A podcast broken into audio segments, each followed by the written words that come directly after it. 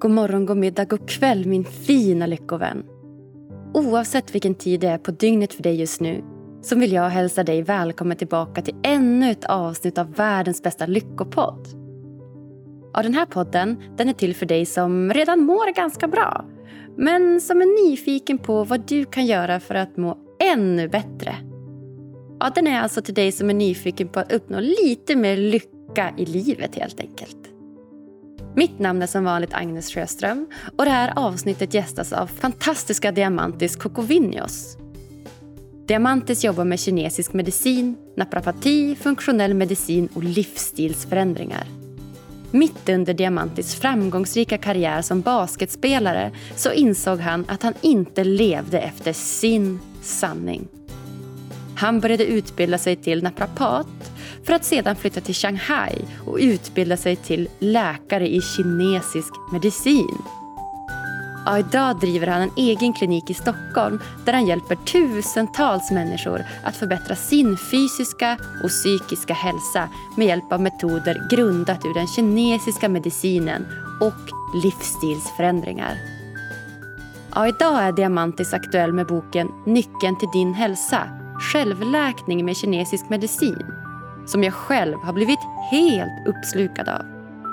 Ja, under intervjun så pratar vi om skillnaden mellan den traditionella sjukvården och den kinesiska medicinen. Vi pratar om varför stagnerade emotioner gör dig sjuk och hur du enkelt kan göra dig själv frisk igen. Vi pratar också om egots betydelse för hälsan och varför du inte bör se egot som din största fiende. Och ett av poddens mest spännande avsnitt, helt klart. Stort varsågod!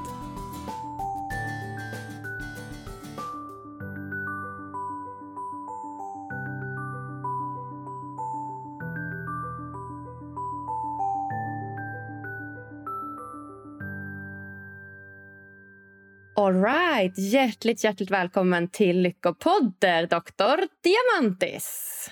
Tack så hemskt mycket, Agnes. Det är verkligen en ära att få vara här. Ja, men detsamma, Diamantis. Det är en ära att ha dig här, ska jag säga. Det är jättetrevligt. Jag har sett fram emot faktiskt det här samtalet. Ja, men jag med. Jag tycker att du är en superspännande person och känner att så här, jag har så många frågor. Jag vet inte vart jag ska börja. Mm. Vad känner du? Vad har du för förväntningar på det här samtalet? Vi får se. Jag tycker om bara namnet på din podd, Lyckopodden. Och eh, väldigt mycket handlar just om lycka.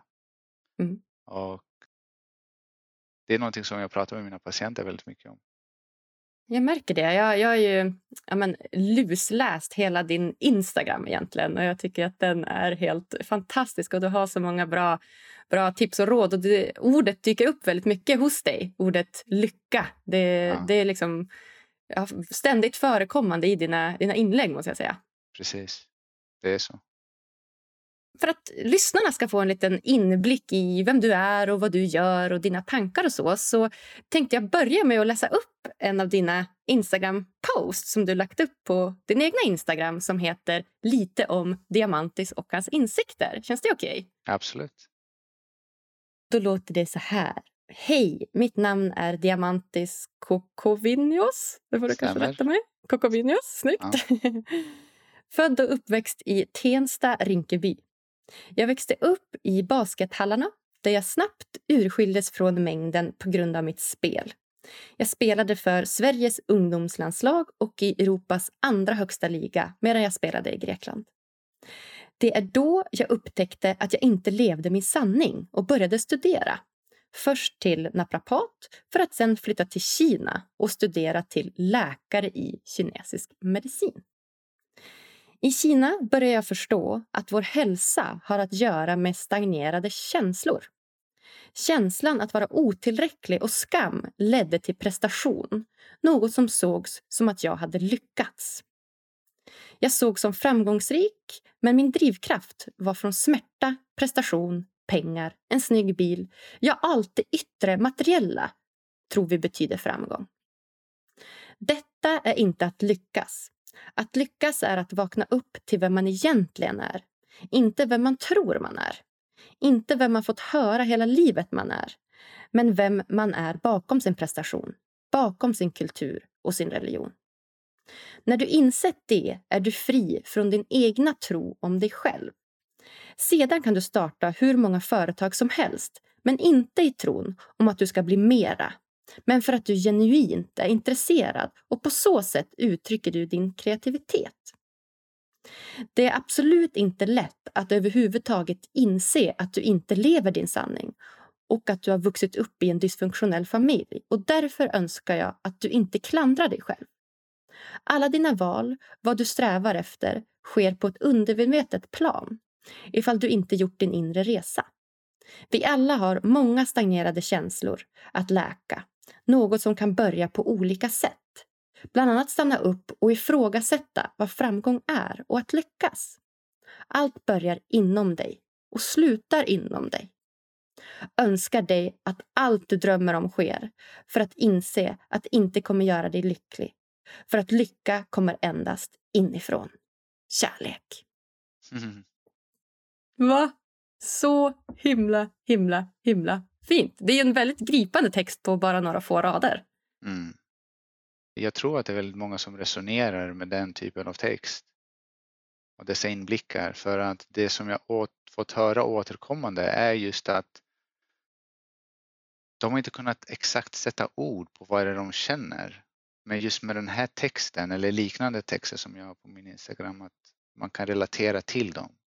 Mm. Och på något sätt så um, känner man, känner man också att man inte är ensam i sin resa. Och jag tror också att det är en väldigt viktig del att känna att eh, trots att det är en individuell resa så gör vi det här tillsammans. Mm. Bra sagt. Ja. För att det är inte bara du och jag och kanske någon där ute som brottas med de här olika konflikterna inom oss. Men att vi kollektivt, känns som att vi kollektivt någonstans undermedvetet har valt fel väg helt enkelt. Verkligen. Och det känns som att det baseras så himla mycket på den samhällsnorm som vi har i Sverige och västvärlden. Att vi ska prestera och vi är duktiga när vi presterar och att vi som baserar vårt egenvärde på det. Och du sätter ju verkligen fingret på det i den här mm. texten. Mm.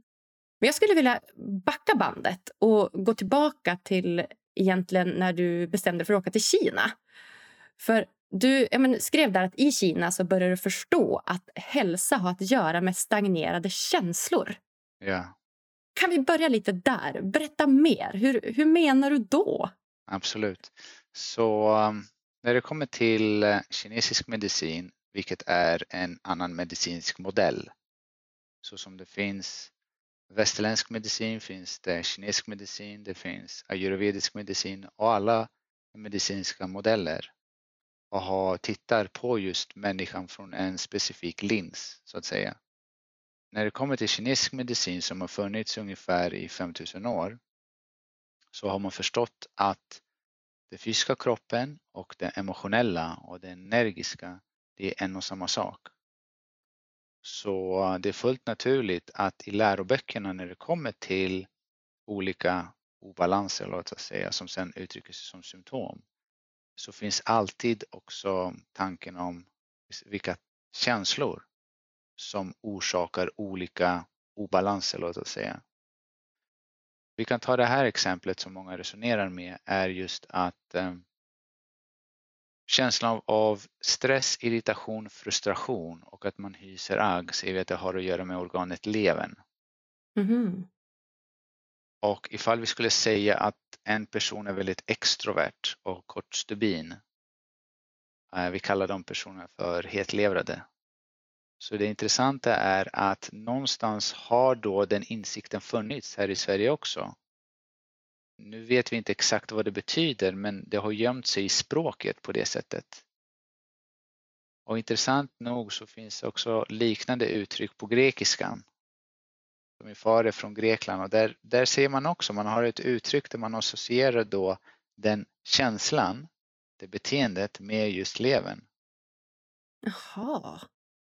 Så vad är det egentligen vi menar då med att hetlevrad, vilket egentligen är en diagnos inom kinesisk medicin, vi ser liver fire. Och det händer då från stagnation Och stagnation är då dessa stagnerade känslor av stress, irritation och frustration. Det har ju att göra med att vårt sinne är stagnerat i det förflutna. För det enda som kan vara stagnerat i hela universum det är just vårt sinne. Vi kan ta galaxer rör på sig och planeter rör på sig och det som vi kanske ser som statiskt som is. Vi vet att till och med det rör sig. Allt rör sig i hela naturen förutom just människans sinne som kan stagnera i det förflutna. Vi har ett ordspråk som säger att kroppen följer vårt sinne. Så ifall sinnet är stagnerat kommer också kroppen vara stagnerad. Ifall vi kan se så här också att en, är vi deprimerade är hela kroppen deprimerad. Är vi glada är hela kroppen glad också. Så den här stagnationen i sinnet kommer också skapa vissa följder. Nu vad vi menar av stagnation är också att vi per automatik är i fight or flight. Det är vad som är stress. När sinnet är inte är här och nu, då kan inte heller kroppen fungera som den ska. Så fysiologiskt sett, biokemiskt sett kan endast kroppen fungera som den ska när vi är fullständigt här och nu. Men när någonting har hänt i ditt liv som har orsakat att sinnet då pendlar mellan det förflutna och framtiden. Och det förflutna är just för att vi har varit med om en upplevelse. Det kan vara en dysfunktionell uppväxt, det kan vara trauman, det kan vara våld, emotionell, fysisk, sexuellt utnyttjande. Och vi stagnerar då där, i det förflutna. Sinnet hoppar då till framtiden för att undvika liknande situationer. Och där också kommer också känslan av kontroll. Men den stagnationen som är relaterad då till just levern. Vi ser i kinesisk medicin att levern är det viktigaste organet som har att göra med cirkulationen av qi och blod. Så när vi säger att levern orsakar stagnationer som vid till exempel och stagnation manifesteras väldigt ofta som smärta. Eller att någonting, när något inte kan cirkulera då börjar det då istället expandera. Så låt oss säga som ett, ehm, ett rör då, ett eh, gummirör som vi rinner vatten och så stryper vi till det. Då börjar det då expandera. Och det är vad vi säger är IBS till exempel. Den här uppblåsta känslan i magen. Okej, spännande. Ja, då, så, då kan man alltså koppla då de här olika stagnerade känslorna till olika sjukdomar. Alltså att det kan orsaka olika sjukdomar. Olika symptom. Symptom, just det, olika symptom. Vi pratar om obalanser, man kan säga symptom. Och samma sak som, för då säger vi att levern attackerar magen. Eller att levern, menstruationssmärta har också att göra med stagnation. Vi säger i kinesisk medicin att det är leverns blod som förser livmodern med blod. Att man ska ha menstruation. Men ifall det finns en stagnation där så kommer man ha väldigt smärtsamma menstruationer och PMS därefter. Mm. Okej, och hur behandlar man det här då? Säger man har jättemycket mensvärk eller, om man, om man har, eller oavsett vilket symptom är, säg att du har mycket stagnerade känslor, hur, hur behandlar man det då? Det är en jättebra fråga, men låt oss först förklara lite också på västerländsk medicin vad, vad som egentligen, så det överlappar lite här. Ja, så om vi tar IBS först, och då kan vi se att hela mag-tarmsystemet kan endast fungera som det ska när vi är här och nu. Och mer eller mindre vad det är vi gör när man kommer till någon som jobbar med kinesisk medicin, akupunktur och örter, det är att vi hjälper då kroppen komma till här och nu med hjälp av akupunktur, vilket bland annat påverkar också vagusnerven, vilket är den, den nerv som går från hjärnstammen till de inre organen. Samtidigt påverkar vi det neuroendokrina systemet, så hela nervsystemet som sen påverkar också hormonerna och neurotransmittorerna. Så att det är en form av reset så att man kommer tillbaka till här och nu. Samtidigt då så kan man fråga sig om vad är det med menstruationssmärta i så fall?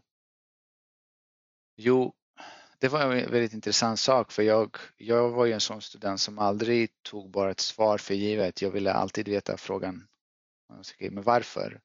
tyvärr så fick jag inte den, det svaret i Kina men när jag läste vidare inom litteratur gällande funktionell medicin så förstod vi sedan att eleven har en viktig roll i att metabolisera östrogen och andra hormoner.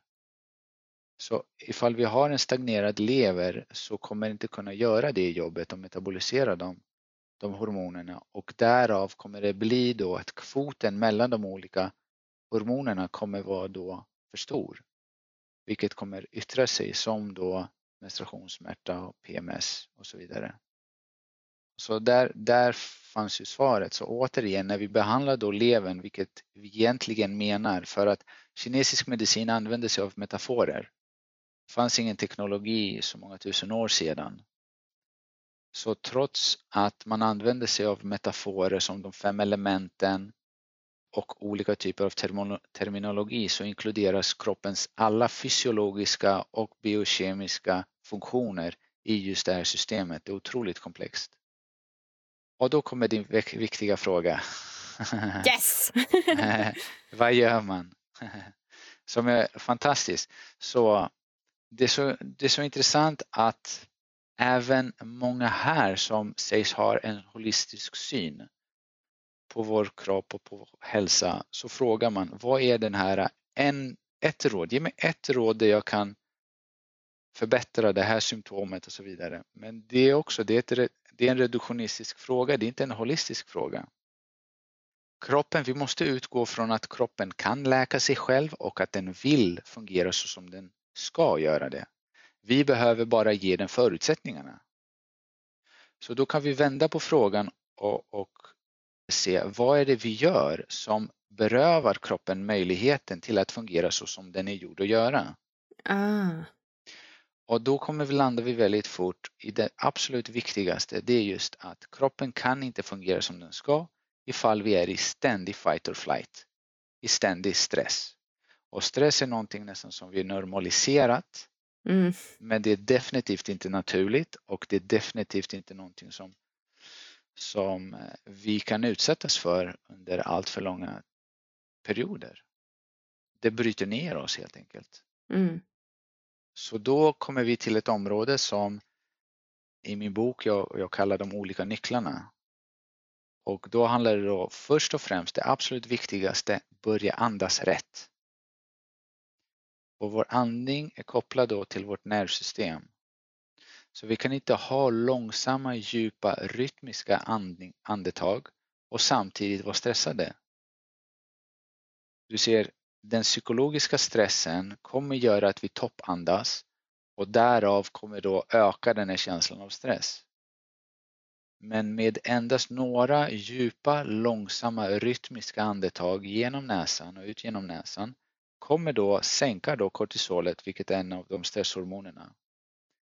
Och eh, föra över oss till den här känslan av här och nu. Så andning nummer ett och nummer två är då mindfulness. Åh, bästa. Jag älskar mindfulness. Ja. Och eh, det finns jättemånga olika typer av övningar och tekniker. Men vad mindfulness innefattar som helhet är att man blir mer medveten om vad det är som pågår just nu. Vilka tankar är det som cirkulerar? Vad är det jag befinner mig i för miljö? Hur känns kroppen? Så och på så sätt tvingar vi då eh, sinnet att vara här och nu. Så återigen, vi kan inte vara stressade och vara mindful. Det är också det är motsägelsefullt. Så det här är då två enkla tekniker och vi kan även kalla dem för biohacking-tekniker för vi börjar nu hacka vår biologi, fysiologi. Och vi skapar de förutsättningarna för att kroppen ska kunna fungera som den ska och i längden också kunna läka sig själv. Gud vad spännande. För jag har faktiskt här precis bredvid mig, det här hade jag ingen aning om att du skulle ta upp andningen, men jag har intervjuat en, en kille som heter Anders Olsson. Vet du vem det är? Ja, jag känner till honom. Ja, han har jag intervjuat i podden och han är en riktig nörd när det kommer till just andningen och han har ju studerat det här supermycket och vilka positiva effekter det har och så. Precis. Så han skickade ju hem mig liksom ett litet andningskit.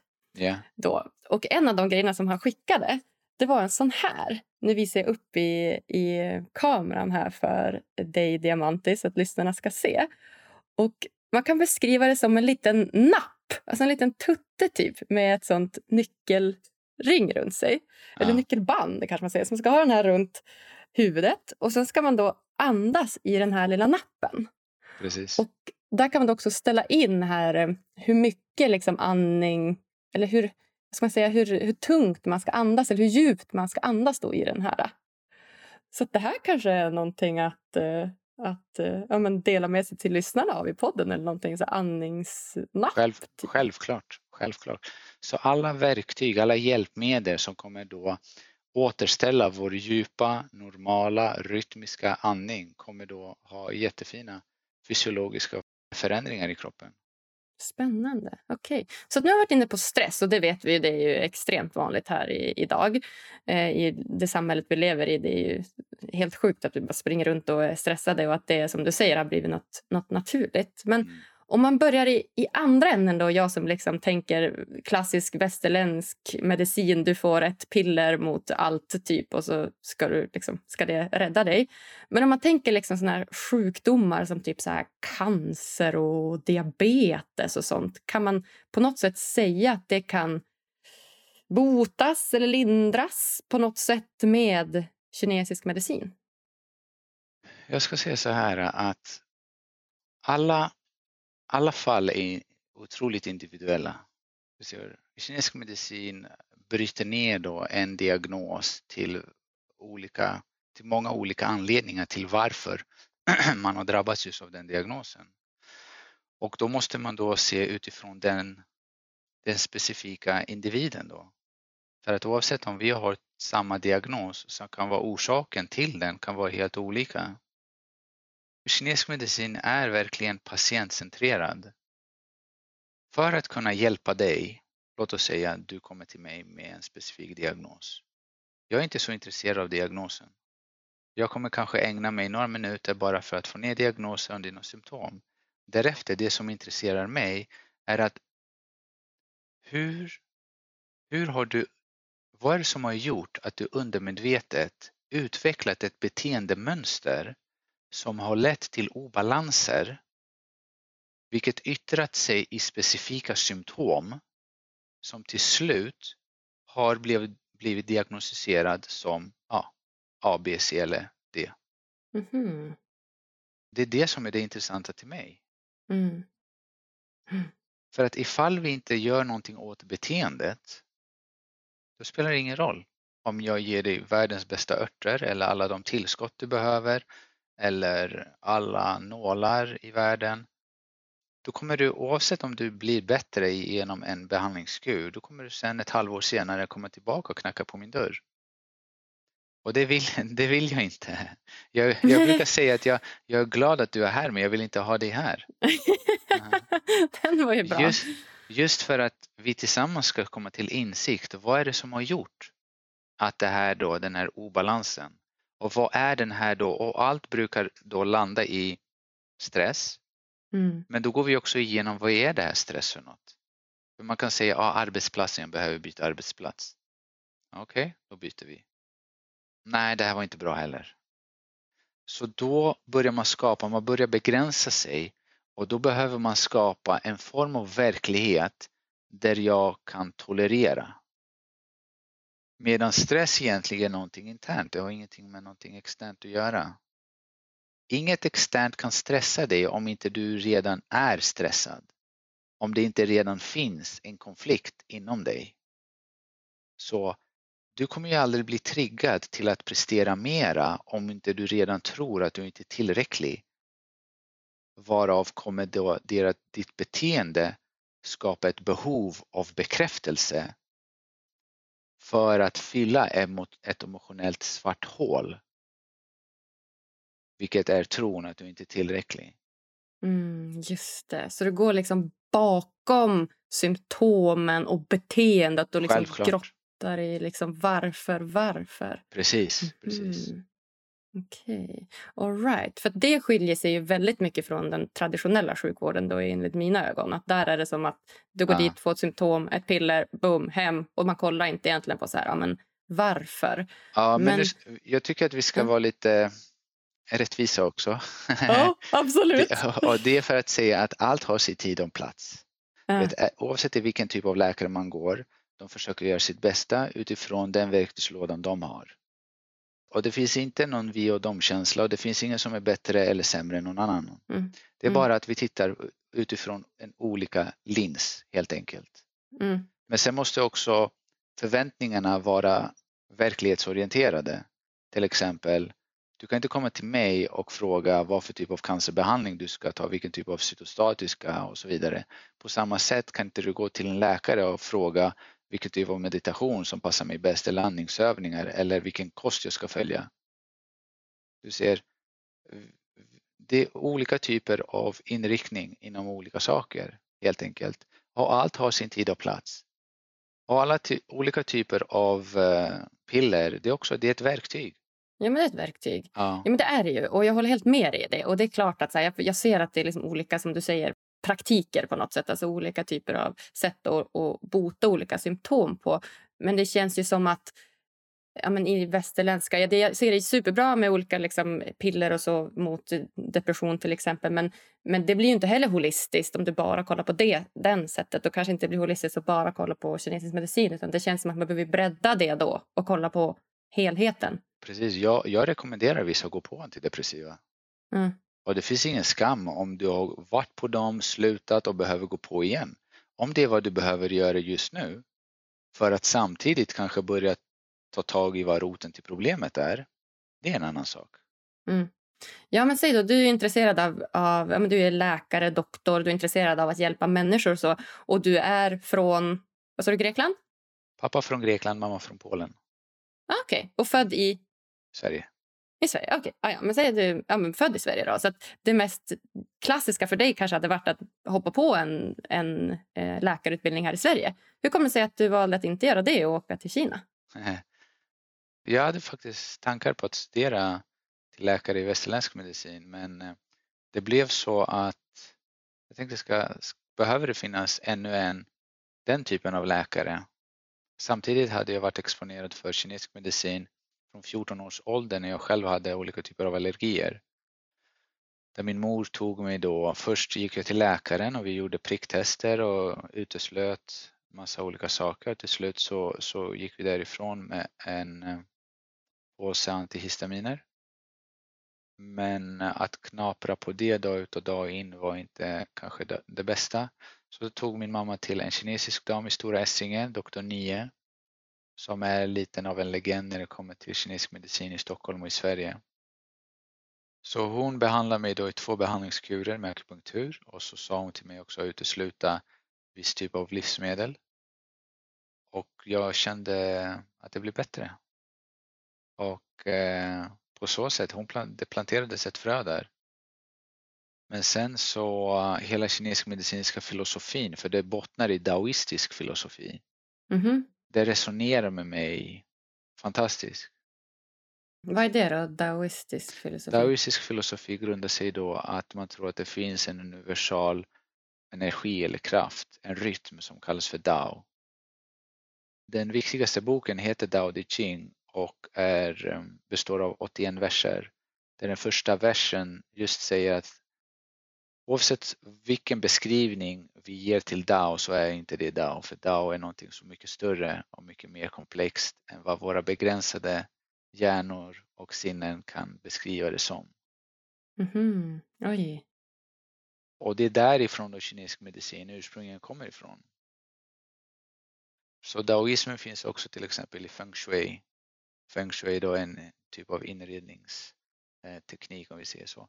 Men kommer också i det medicinska, det har att göra då med eh, kinesisk medicin. Och då förstod människorna då för tusentals år sedan hur de olika krafterna och energierna i den yttre världen även finns i den inre. Och genom då att observera naturen och observera sin inre natur så förstod man att det här, här inne är en mikrokosmos som avspeglar en makrokosmos som finns där ute. Coolt. Ja, så de energikanalerna, de tolv viktigaste i kroppen finns inte bara hos oss. Men det måste finnas någonting där ute också och vi ser då i, i jorden så, så flyter då magman i jorden flyter i specifika riktningar och de sju haven är kopplade och de, de flyter runt på ett specifikt sätt så som att Golfströmmen då alltid flyter från Golfströmmen upp till Skandinavien. Uppe i stratosfären så finns det också specifika riktningar där vinden blåser konstant i en specifik riktning. Så man upplevde att just eh, att det finns en form av samhörighet för att människan är ju trots allt en produkt av naturen. Jo, vi är ju det. Ja. Vi är inte så mycket mer. vi är det, det vi är. Exakt. Och den, som intellig den intelligensen som finns i hela naturen finns även hos oss. Så att raffinera sig själv bortom egot, vilket är det som begränsar oss som mest och verkligen kommer till ett sinnestillstånd där vi kan verkligen uppleva den här samhörigheten och bli ett med naturen. Och vi inser också att våra lungor, det är inte bara det som finns här inne, men det som finns där ute. Veckans avsnitt är sponsrat av Paradiset, upplevelsebad, spa och träning i Örnsköldsvik. Ja, Örnsköldsvik, eller Övik som det kallas i vardags, är en mysig liten bergsbenägen stad som ligger bara en timmes tågresa från Umeå och med bara en timmes flyg från Stockholm om du bor där. Jag och min kompis Saga vi unnade oss en riktig lyckohelg tillsammans då vi checkade in på hotell och besökte paradisets spa och upplevelsebad i två hela dagar. Och både jag och Saga vi är riktiga yogatorskar så gissa om vi blev glada när vi upptäckte att det fanns en digital yogastudio på plats. I en varm och inspirerande miljö kunde vi själva välja vilken yogaklass vi ville gå på och sedan starta den på en stor storbildsskärm precis när det passade oss. Helt oberoende av någon annan. Så himla smidigt. Vi provade på ett lokalt inspelat yogapass som hade fokus på att connecta lite extra mycket med andningen. Ja, det finns så mycket utvecklingspotential i det här framtidskonceptet. Och det ska bli så kul att följa paradiset och dess utveckling. Tack bästa paradiset för världens bästa lyckohelg.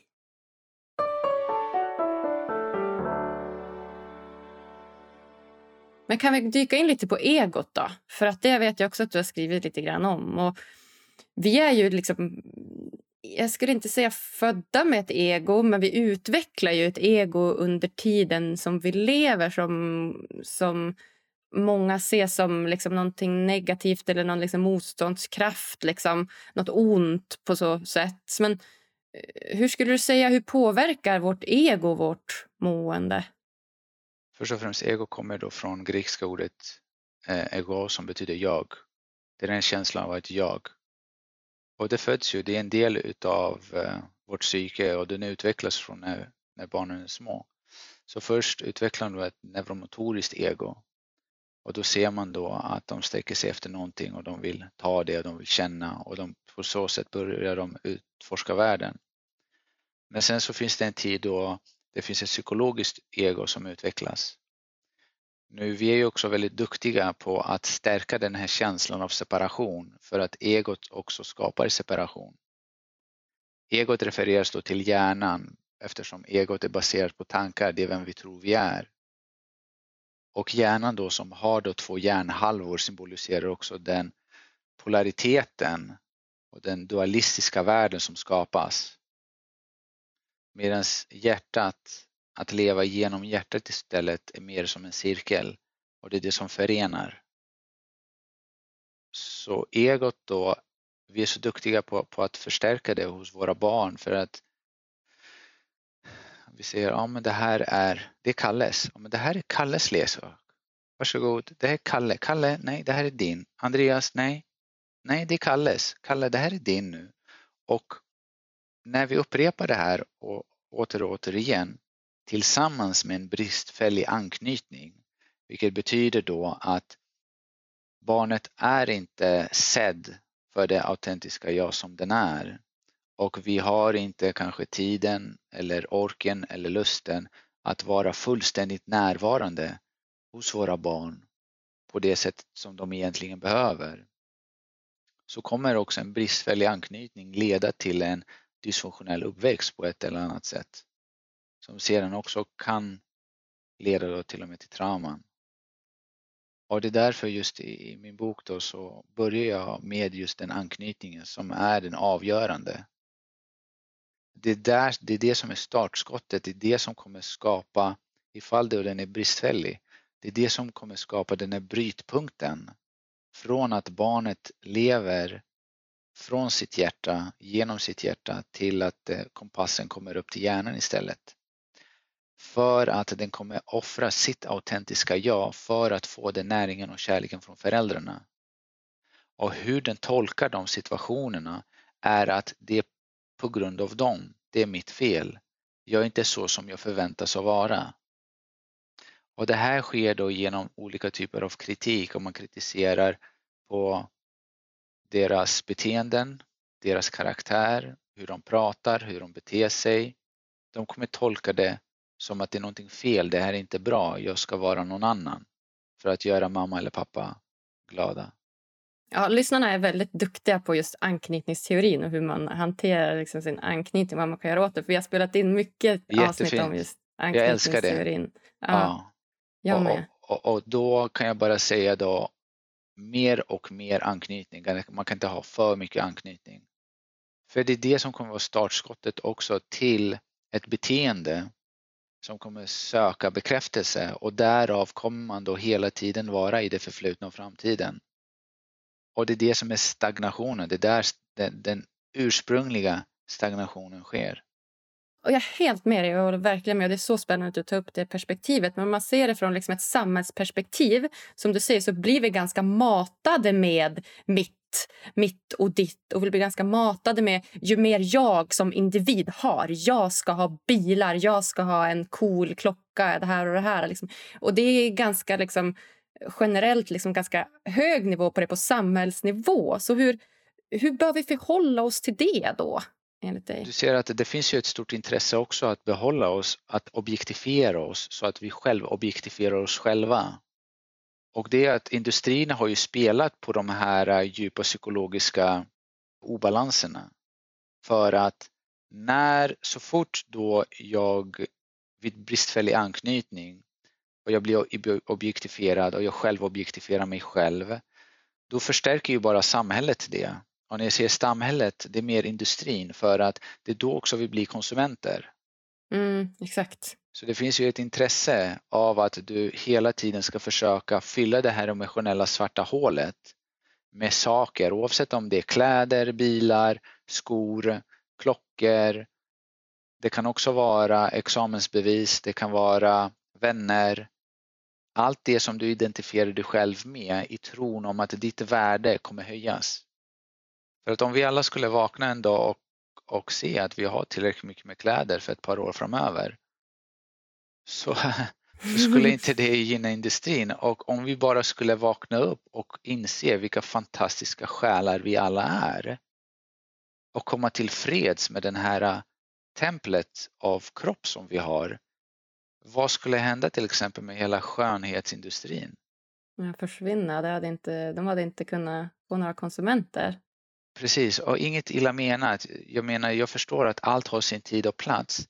Men det kommer komma en tid också där vi kollektivt kommer behöva höja vårt medvetande och genom våra val kommer också påverka hela samhällsstrukturen för samhället är ju baserat på individer och vi är en av dem. Så vill vi göra jorden till en bättre plats, gör din inre esoteriska resa och Kom till insikt i allt du inte är för att uppleva den kärleken du, du alltid varit. Mm. Wow, vad underbart! Och då har vi varit inne lite på meditation och andning. Har du några fler liksom, tips på en, till en vilsen själ som vill göra precis det du säger? Jag, jag vill ju komma mer i kontakt med mig själv. Jag vill sluta konsumera. Vad, vad vill du ge för tips? Jättefint. Det absolut viktigaste det är att så fort jag hör att jag ska göra någonting för mig själv, hitta mig själv, älska mig själv, förbättra mig själv, acceptera mig själv och så vidare. Om vi bryter ner det till vem är, vad är det som är jaget som ska göra någonting till så kallad mig själv? Är jag jaget eller är jag mig själv? Och det är där det blir lite intressant. För att jaget vi refererar till är ju objektet. Det är ju mitt ego. Så tron är att genom egot, ifall jag gör någonting mera, då kommer jag hamna någonstans längre fram i tiden där jag kommer uppleva den här samhörigheten. Vilket vi kan också då översätta till att jag kommer hamna i mitt hjärta. Så egot kan inte göra, vi kan inte göra någonting genom egot för att hamna i hjärtat. Vi behöver inse att egot var den här psykologiska överlevnadsstrategin vi behövde undermedvetet utveckla för att överleva de psykologiska omständigheterna som vi växte upp i. Och genom den insikten så det, det är inte mer, det är inte att jag ska göra mera för att hitta mig själv. Vem är, det, vem är det som letar? Är det jag som letar eller är det jag som är mig själv? Jag är ju redan här. Jag är ju redan. Jag behöver ju bara inse allt jag inte är. För att sedan tillåta mig själv falla tillbaka till epicentrumet. Till här och nu. Och där kommer det definitivt finnas motstånd för att det är den platsen som jag associerade som liten med smärta. För det var ju när jag var mitt autentiska jag, jag satt och, eller lekte och gjorde mina grejer. När då, låt oss säga min temperamentfyllda far kom in och bara vällde ur sig massa kommentarer helt plötsligt att vi var lata, vi var inte, vi bara ja, fördrev tiden och så vidare. Så den platsen som är mitt hjärta associerades då med smärta. Och nu säger vi att vi ska gå tillbaka till den platsen. Men det handlar också om att se hela panoramat på hur mitt beteendemönster undermedvetet utvecklades. Att se att jag är safe så som jag är och vart jag är i livet. Men jag kan samtidigt inte heller befinna mig i toxiska relationer eller miljön där jag kan råka ut för mer smärta när jag är mitt autentiska jag. Och det är därför då folk isolerar sig. De som kallar sig själv ensamvargar, det är inte för att de trivs bäst när de själva, det är för att det gör så ont när de är med andra för de får inte vara sitt autentiska jag. Mm.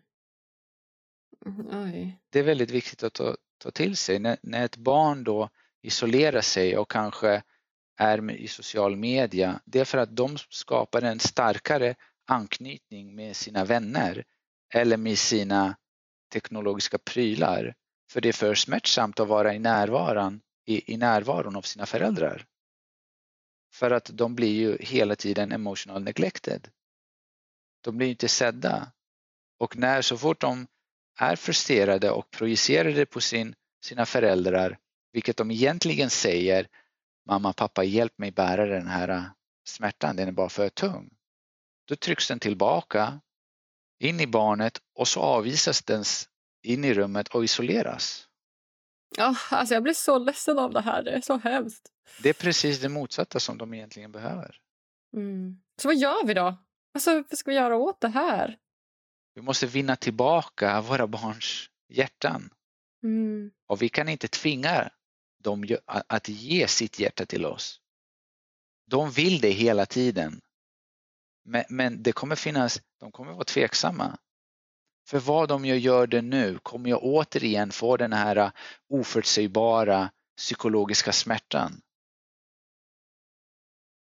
Det är därför det är absolut viktigt för föräldrarna att börja göra sin egna inre resa för att läka sina emotionella sår och befria sig själv från alla de stagnerade känslorna som man bär på.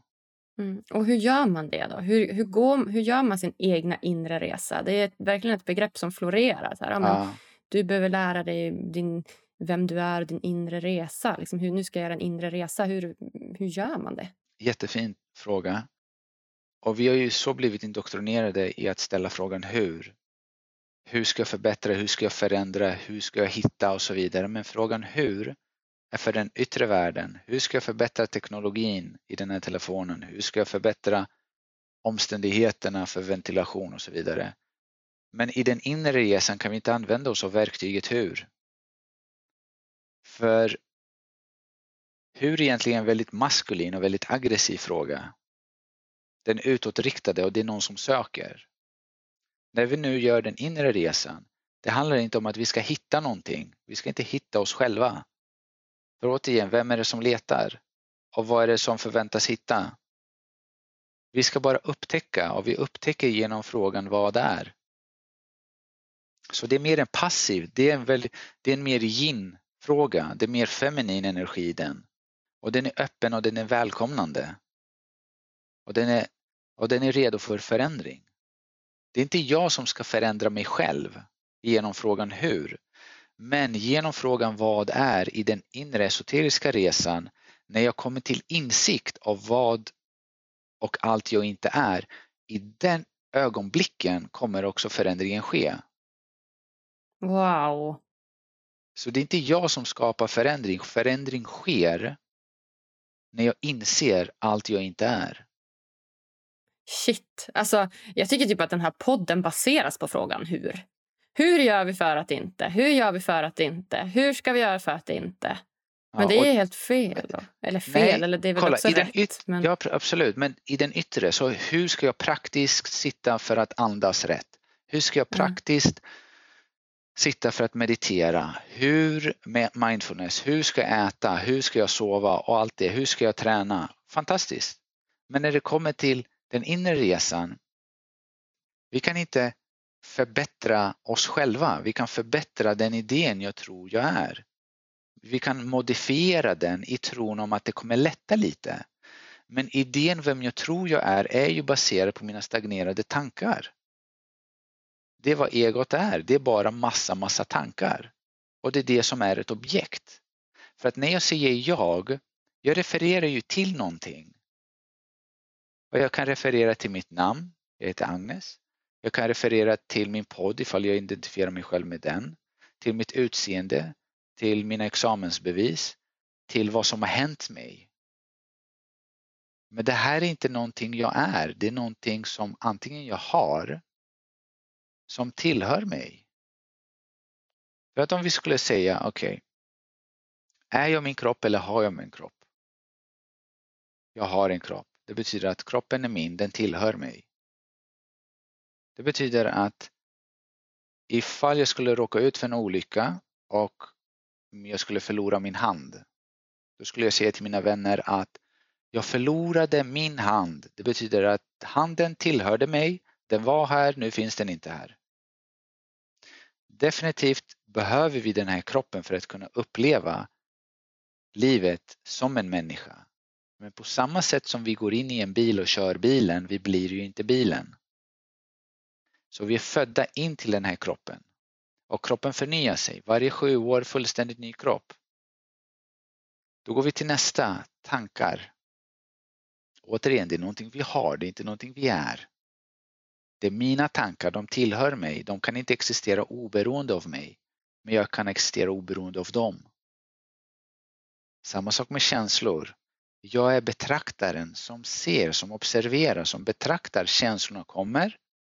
Irritation, oj, här bubblar det och så går det. Och slutligtvis våra minnen. Och minnen, för vissa kommer till mig och säger att jag har så pass mycket bagage. Då indikerar vi att jag är mitt minne. Eftersom allt det som har hänt mig har jag då associerat via mitt minne. Jag kan inte säga att jag är mitt minne eftersom jag har ett minne. Så där helt plötsligt skapas det en separation till allt det här. Och då kan vi väldigt lätt fråga oss, vad är det som finns kvar? Utan att försöka komma på någonting, utan att hitta på ord eller någonting. Men bara stanna med den här känslan, jag finns, jag är. Det eviga närvarande medvetandet som observerar allt det här. För det med säkerhet kan jag säga, det är konstant. Kroppen förändras genom tid och rum. Tankarna förändras, minnena förändras. Men inte jag, det eviga närvarande medvetandet. Så det här måste ju finnas först. Den här intelligensen måste ju existera för att allt det andra ska komma och gå. Mm -hmm. Shit. Så du ser, mina patientbesök, det första, det är det här jag diskuterar. Det är mer ett uppvaknande mot ett uppvaknande än att prata vilka symptom och, och vilka nålar eller örter du behöver. För det är det som kommer också skapa förändringen i ditt beteende. Och du kommer befria dig själv från alla de tron du har om dig själv. Då, finns det inte frågan hur ska jag hitta mig själv? Du ser, helt, helt plötsligt den frågan blev Orelevant. Exakt. Mm. Jag är ju här. Ja, jag är ju här. Shit! Alltså, va? Det var verkligen ett uppvaknande för mig också. Jag sitter bara och tar in. Herregud. Men varför används inte... Varför är det inte vanligare med kinesisk medicin? Alltså, för mig låter det som att så här, varenda kotte skulle behöva höra det här. Men det är väldigt ovanligt att gå till liksom en läkare som säger det här till dig. Ja, jag vet. Eh, nu, kinesisk medicin är inte... Det är klart vi pratar inte på det här sättet. Det här är någonting som jag själv genom att frenetiskt fråga mig själv frågan varför. Det är här jag hamnat. I de här insikterna, det som är grundproblematiken. Det är ah, hur vi associerar oss själva med våra tankar. Det är det som den inre konflikten är som driver vårt beteende. Och därför kan vi inte av ren rationell vilja förändra vårt beteende eftersom det är emotionellt så mycket djupare än så, det är det som styr.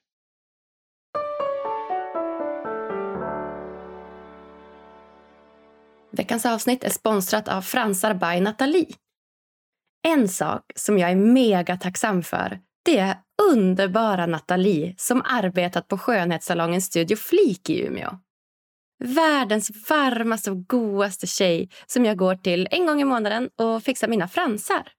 Ja, för mig är det riktigt lyxig spa-tid. Nathalie har jobbat med fransförlängning i hela sex år och gör både singel-, volym och megavolymfransar. Idag driver hon en egen skönhetssalong på Storgatan 88 i Umeå och går att boka på Lashes by Nathalie på Instagram eller på Boka Direkt. Så bor du i Umeå och också gillar att göra fransförlängning, då tycker jag definitivt att du ska gå till Nathalie. Hon är både trevlig, proffsig och snabb. Helt perfekt enligt mig. Nämner du rabattkoden Lyckopodden i din bokning så får du dessutom 20% rabatt på din nästa bokning. Lycklig spadtid, kära du!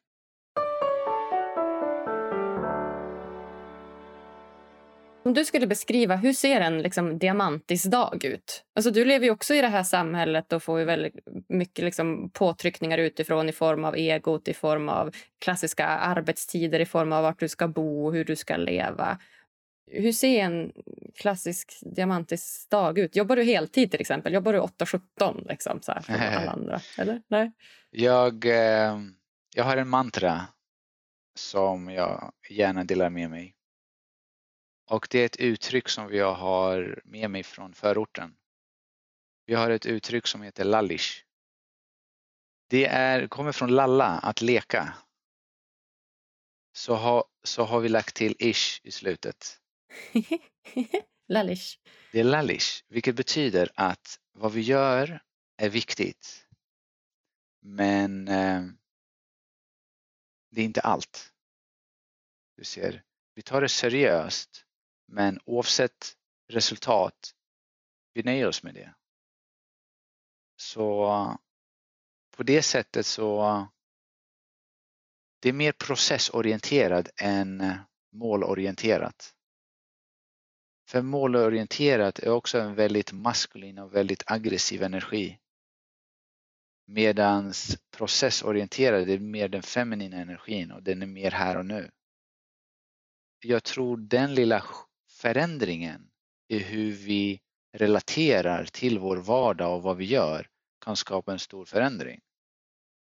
Och, och, och därför så skojar mina vänner med alla de olika projekt jag har. Men det är lallish, du vet vi, vi, gör, vi gör vårt bästa i de olika projekten. Det är superkul. At the end of the day om det är menat att det blir av, det kommer bli av. Om det inte är menat, då är det inte menat. Jag hade velat ha dig på min axel varje dag och bara Lallish, Lallish. det var, yes, just det, Lallish.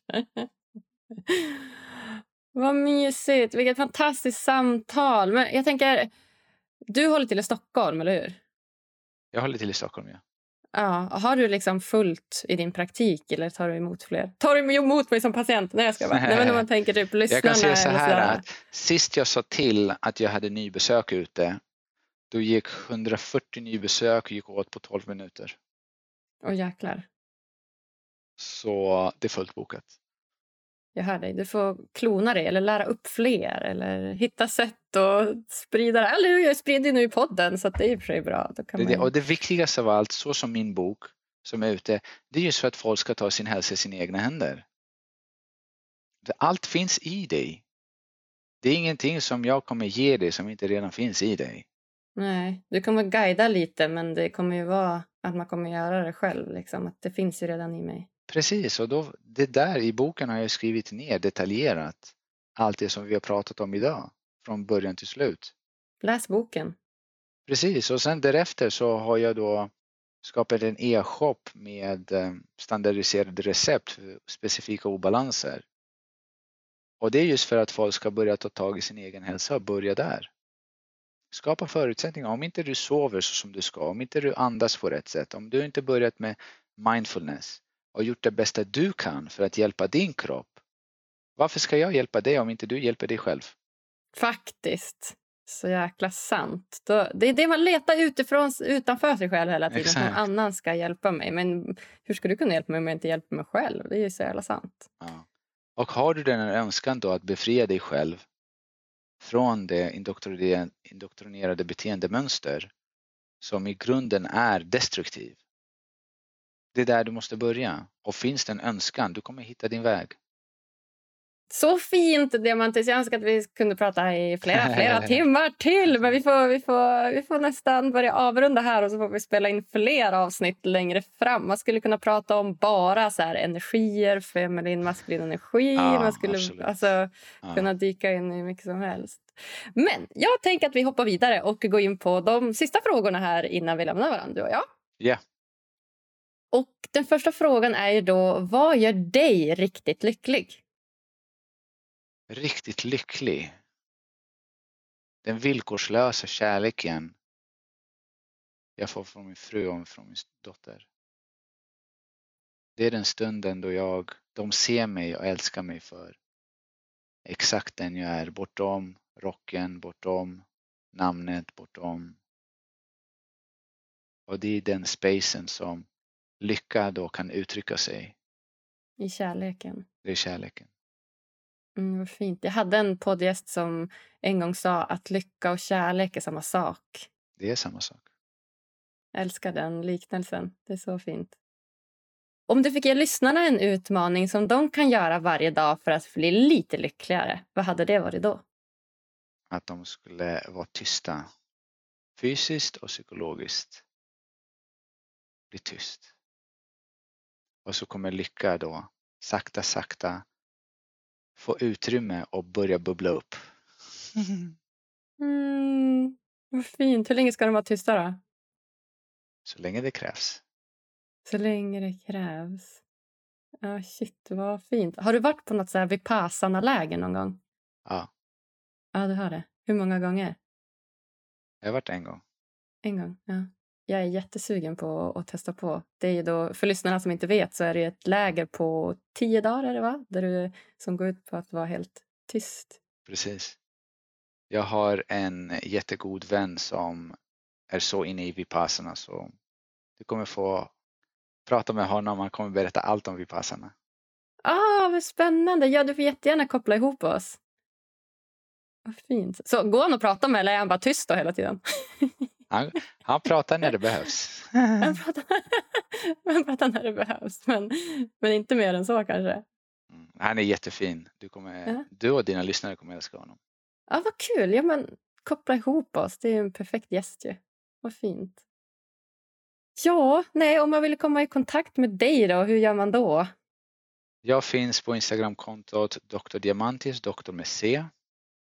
Jag har en hemsida som också heter drdiamantis.com och min, eh, en podd som existerar som heter eh, också Dr. Diamantis.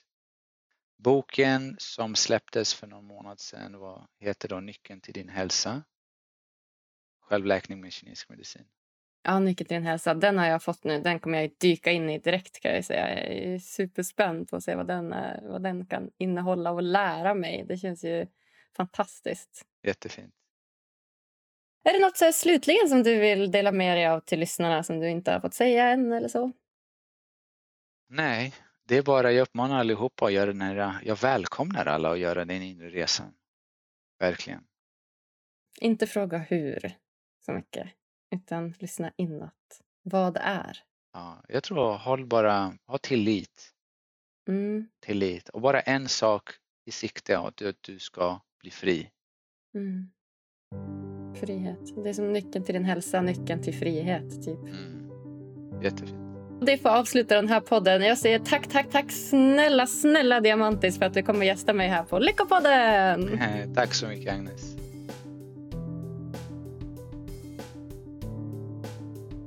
Nej men alltså wow. Underbara, fina, gulliga, bästa Diamantis. Hur klok får man vara egentligen?